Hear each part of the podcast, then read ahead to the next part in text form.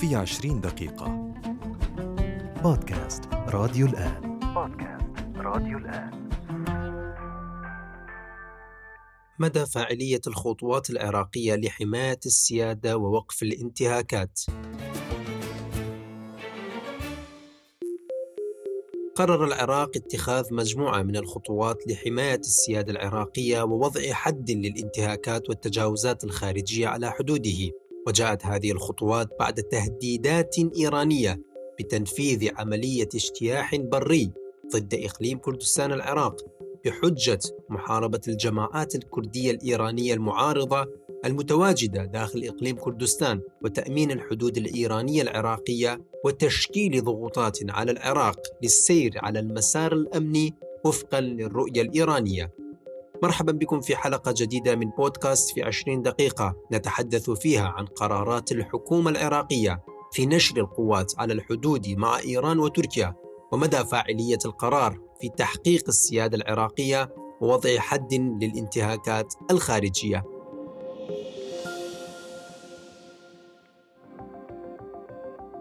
أكد اللواء يحيى رسول الناطق باسم القائد العام للقوات المسلحة محمد شياع السوداني أن السوداني وجه بمسك الخط الصفري مع إيران وتركيا من قبل حرس الحدود وذلك لإنهاء الخروقات والهجمات والصراعات المتبادلة بين القوات المسلحة للبلدين مع الأحزاب الكردية المناهضة لأنقرة وطهران والتي تدور روحاها على أرض إقليم كردستان. وأضاف اللواء رسول خلال مؤتمر صحفي أن القائد العام للقوات المسلحة أكد على مسك الحدود من قبل قوات حرس الحدود ومسك الخط الصفري مع الجارتين إيران وتركيا مؤكدا أن هذا ما وجه به القائد العام لتباشر وعلى الفور قيادة قوات حرس الحدود بهذه المهام الموكلة إليها. وأضاف أن السوداني أمر بتعزيز إمكانيات تلك القيادة بالأسلحة والمعدات والأشخاص بما يضمن أن تمسك الحدود بشكل جيد. كما شدد اللواء رسول على أن العراق لا يقبل بأن تستخدم أرضه للاعتداء على أي دولة جارة. وقال نحن نمتلك علاقات طيبة مع دول الجوار ونسعى إلى تطويرها بما يخدم مصلحة العراق وكل دول الجوار. وتابع قائلا نؤكد على سيادة العراق واحترامها مشيرا إلى أن السودان وجه بأن تكون الأولوية لقيادة الدفاع الجوي لمنع اختراق الأجواء العراقية. وكانت إيران قد طالبت السلطات العراقية بضرورة مسك الأراضي بين إيران والعراق حيث أعلن المتحدث باسم وزارة الخارجية الإيرانية ناصر كنعاني أن بلاده ترحب بإعلان العراق عن اتخاذ قرارات لتأمين الحدود. وأضاف كنعاني إذا كانت الحكومة العراقية بحاجة إلى مساعدة فنية في هذا الصدد فنحن على استعداد لتقديم المساعدة لها. وسبق أن اتهم السفير الإيراني في بغداد مسؤولي إقليم كردستان بأنهم لا يريدون طرد الجماعات الإرهابية بحسب تعبيره. وأكد أن بلاده طالبت حكومة العراق بنزع سلاح الجماعات المناهضة لإيران. كما أضاف السفير الإيراني أن مسؤولي إقليم كردستان العراق قادرون على جمع صفوف الجماعات الإرهابية المناهضة لإيران والمخربين المسلحين في إقليم كردستان لكنهم ليس لديهم مثل هذه الإرادة ولا يريدون ذلك لأنهم لديهم نظرة عرقية ويبدو أنهم لا يريدون طرد الجماعات الإرهابية التي تعيش بين الأكراد ووفروا لهم مظلة دعم.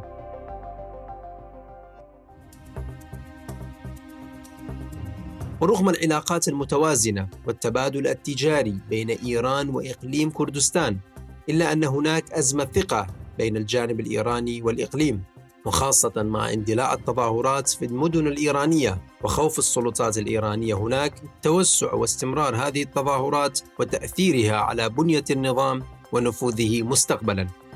وتؤكد المواقف الأخيرة أن طهران لم تعد تثق بسلطات إقليم كردستان وتنظر لها كطرف متورط في المظاهرات والأحداث داخل المدن الإيرانية وهذا ما دفعها إلى قصف الإقليم والضغط على الحكومة المركزية العراقية لاتخاذ هذا القرار السريع بنشر القوات العراقية على الحدود لطمأنة إيران. ويرى مراقبون أن هناك توافق بين حكومة إقليم كردستان وبغداد لإعادة نشر قوات الحرس الحدود في المناطق الحدودية لأن الإقليم يريد إثبات حقيقة واضحة لشركائه في العراق أن ادعاءات الجانب الإيراني مفبركة بوجود تعاون بين الإقليم والجماعات المسلحة المعارضة لإيران وهذا الأمر غير موجود إطلاقا على أرض الواقع. وللمزيد حول هذا الموضوع نتحدث مع الباحث في الشؤون الأمنية والعسكرية الأستاذ حاتم كريم الفلاحي. ونسأله أولا ما رأيك بقرار السوداني بمسك الخط الصفري مع تركيا وإيران من قبل حرس الحدود العراقي وإمكانية تطبيق هذا الأمر على أرض الواقع؟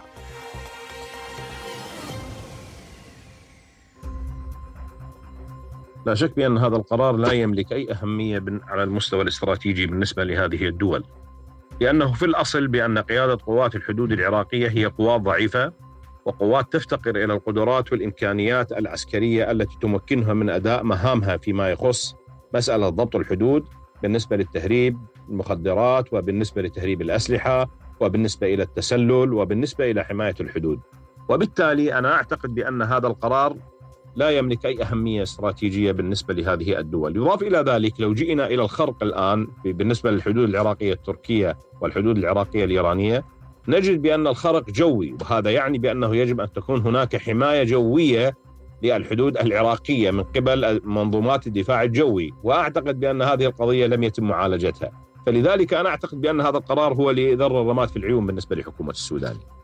هل سيشكل القرار عامل ردع لهذه الدول لإيقاف العمليات العسكرية وخاصة نية إيران للقيام باجتياح بري ضد إقليم كردستان العراق؟ الأمر الثاني بأنه لن يشكل هذا القرار عامل ردع لهذه الدول لإيقاف عملياتها العسكرية لأنه في الأصل بأنه لا يعالج أس المشكلة الموجودة على الأراضي العراقية وبالتالي ستبقى هذه المشكلة قائمة لأنه أصلا تركيا يعني لديها لديها ملاحظات كبيرة جدا على تواجد مثلا حزب العمال الكردستاني في مدينه في مدينة سنجار.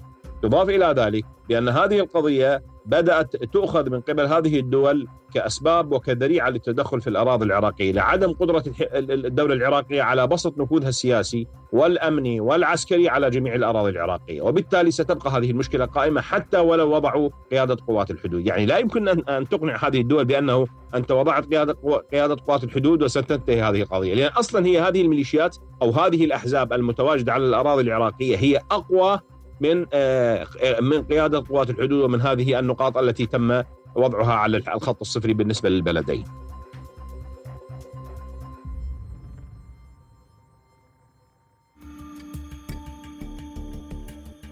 هناك مخاوف كردية جدية من القرار خشية تقويض سلطة الإقليم على حساب تقوية سلطة المركز كيف ترى هذه المخاوف وهل من الممكن لبغداد أن تقوم بهكذا مشروع وتستغل الطلبات الإيرانية لتمديد نفوذها على حساب سلطة وصلاحيات إقليم كردستان؟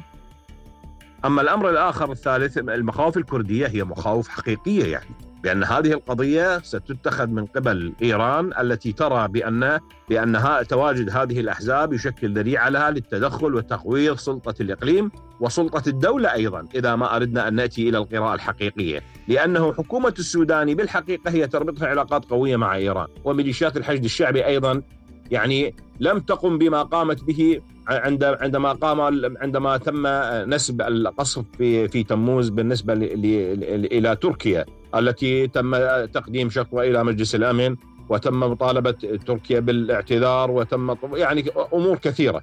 لكن عندما فعلت إيران هذا الفعل الآن لم يعترض أحد من قبل ميليشيات الحشد الشعبي ولم اذا نحن نتعامل بازدواجيه بازدواجية المعايير في التعامل مع هذه الدول وتدخلاتها في العراق، يضاف إلى ذلك ما قيمة العلاقة مع الولايات المتحدة الأمريكية على المستوى الأمني؟ إذا كانت هناك اتفاقية أمنية في مسألة الدفاع عن العراق وما إلى ذلك، إذا كان تواجد القوات على القوات الأمريكية على الأرض العراقية لا يحق أي ردع لهذه الدول، هناك إشكالية حقيقية في مسألة العلاقة مع الولايات المتحدة الأمريكية وأعتقد بأن هذه الدولة هي دولة ضعيفة حكومة السوداني حكومة ضعيفة جدا ولن تستطيع أن تعالج مثل هذه الملفات المهمة والساخنة على المستوى الاستراتيجي بالنسبة لهذه الدول مع تقديري.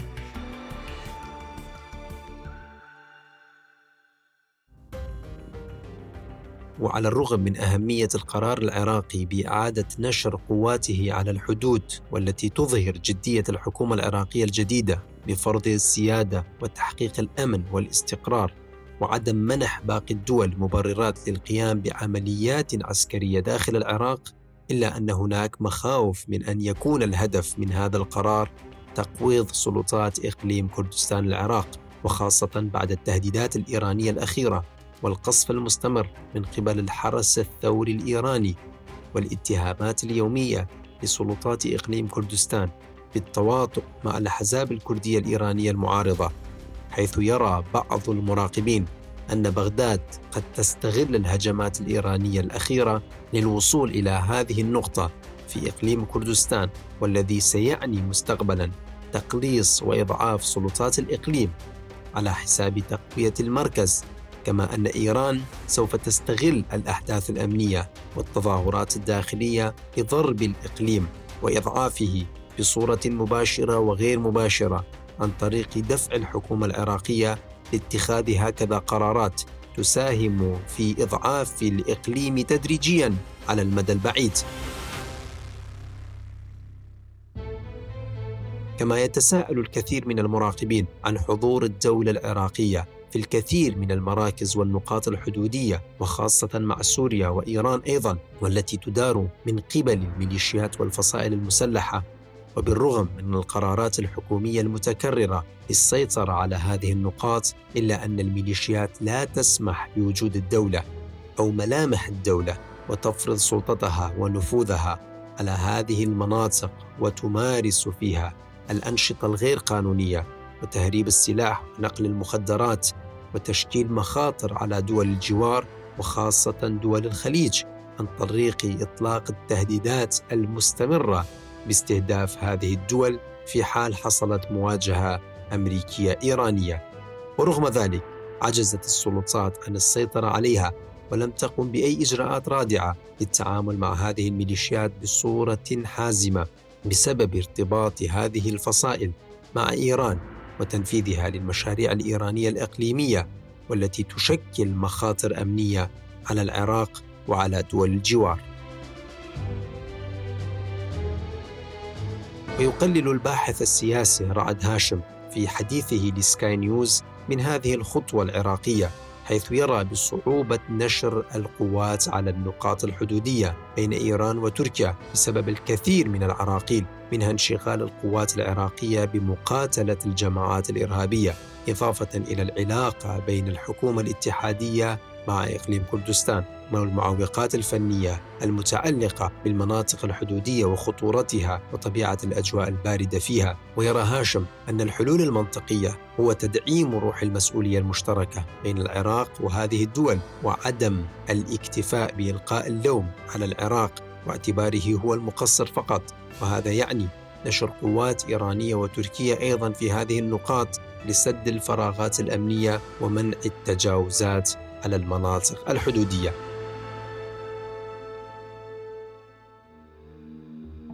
ومن الممكن أن يتحول قرار نشر القوات على الحدود إلى بداية لفرض سيادة الدولة بصورة تدريجية في حال وجدت الإرادة الحقيقية لدى صناع القرار في العراق لتحقيق هذا الهدف وقيام الدولة بمواجهة كافة الجماعات المسلحة التي تستغل ضعف الدولة وتقوم بنشاطات خارجة عن القانون أو تتخذ من العراق مركزا لانطلاق الهجمات ضد باقي الدول. وتشكيل التهديد على الآخرين. وفي هذه الحالة من الممكن التعويل على هذه القرارات لوقف الانتهاكات والتجاوزات الخارجية وبسط الأمن في الميدان الداخلي. أما في حال عملت الحكومة العراقية على اتخاذ هذه القرارات السريعة لطمأنة الجانب الإيراني فقط وتم تطبيق هذه الإجراءات بصورة ازدواجية فإنها لن تحقق أهدافها ولن تساهم في تحقيق السيادة العراقية. ويرى بعض الأطراف الكردية أن القرارات الحكومة العراقية الأخيرة والتطورات التي جرت جاءت لتحقيق المطالب الإيرانية أولا وطمأنة الجانب الإيراني وكانت بالتزامن مع وجود خلافات كردية داخلية بين الأطراف الكردية في إقليم كردستان وخاصة العلاقات التي تدهورت بين الديمقراطي الكردستاني والاتحاد الوطني الكردستاني.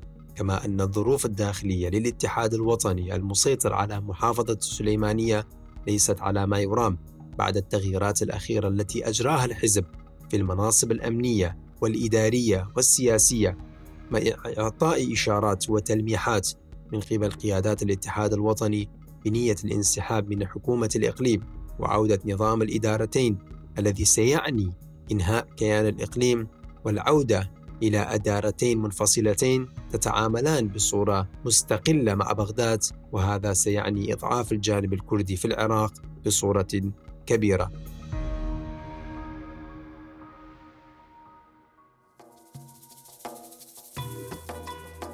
ويبدو أن إيران تدرك حجم الخلافات الداخلية الكردية وتعمل على استغلاله لتحقيق مصالحها وممارسة ضغوطات أكثر على حكومة الإقليم. للالتزام بالرؤية الأمنية الإيرانية داخل الإقليم وعدم السماح ببقاء هامش للتحرك والاستقلالية والتي نجحت القيادة الكردية خلال الفترة الأخيرة في الحفاظ عليها ورفضت الاستجابة الكاملة للمطالب الإيرانية التي تشكل أحيانا مساسا بكيان الإقليم وتقويضا للإرادة الوطنية.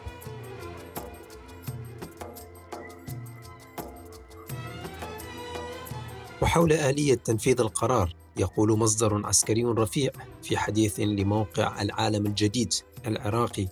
إن اللواءين من قوات حرس الحدود تم إرسالها مع كافة معداتها العسكرية إلى الحدود العراقية مع تركيا من جهة إقليم كردستان وإلى الحدود العراقية مع إيران من داخل حدود الإقليم أيضا.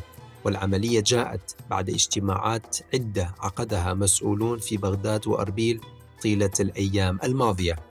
ويبين المصدر أن القوات بدأت حاليا بمسك الحدود بشكل فعلي وحقيقي مع قوات من البيشمركة وتنتشر إلى جانبها لكن السيطرة الكاملة أصبحت للقوات الاتحادية بعد اتفاق رئيس الوزراء محمد الشياع السوداني مع رئيس إقليم كردستان نيتشيرفان بارزاني خلال الزيارة الأخيرة مؤخرا إلى العاصمة بغداد لافتا إلى أن هذه الخطوة تأتي كجزء من إجراءات إبعاد الضربات الجوية الإيرانية والتركية على إقليم كردستان ويلفت إلى أن انتشار قوات حرس الحدود الاتحادية لن يكون داخل المنافذ الحدودية التي تخضع لسيطرة حكومة إقليم كردستان بل هو انتشار عسكري يشمل الشريط الحدودي مع إيران من جهة ومع تركيا من جهة أخرى.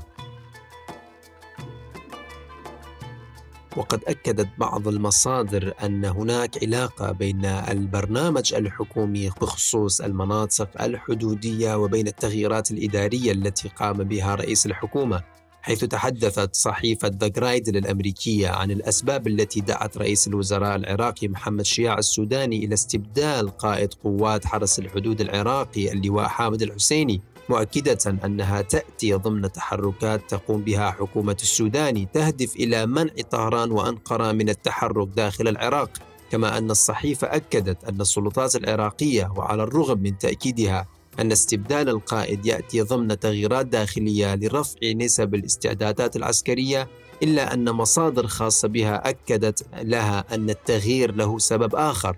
وتابعت أن الحكومة العراقية تهدف من تغيير قائد حرس الحدود العراقي إلى تجهيز قواتها الحدودية لمنع تحركات طهران وأنقرة داخل الأراضي العراقية وبشكل عسكري مضيفة أن القرار العراقي يأتي استعدادا للأنباء التي تحدثت عن تحشيد إيران وتركيا لقطاعات عسكرية إضافية على الحدود العراقية استعدادا لدخولها. ويترقب العراقيون مدى فعالية هذه الإجراءات والخطوات الحكومية في إمكانية تحقيق السيادة العراقية وإعادة هيبة الدولة ووضع حد للانتهاكات والتجاوزات الخارجية وخاصة أن الحكومة العراقية الجديدة قد وعدت باتخاذ الكثير من الإجراءات والخطوات لإعادة هيبة الدولة وتحقيق السيادة العراقية.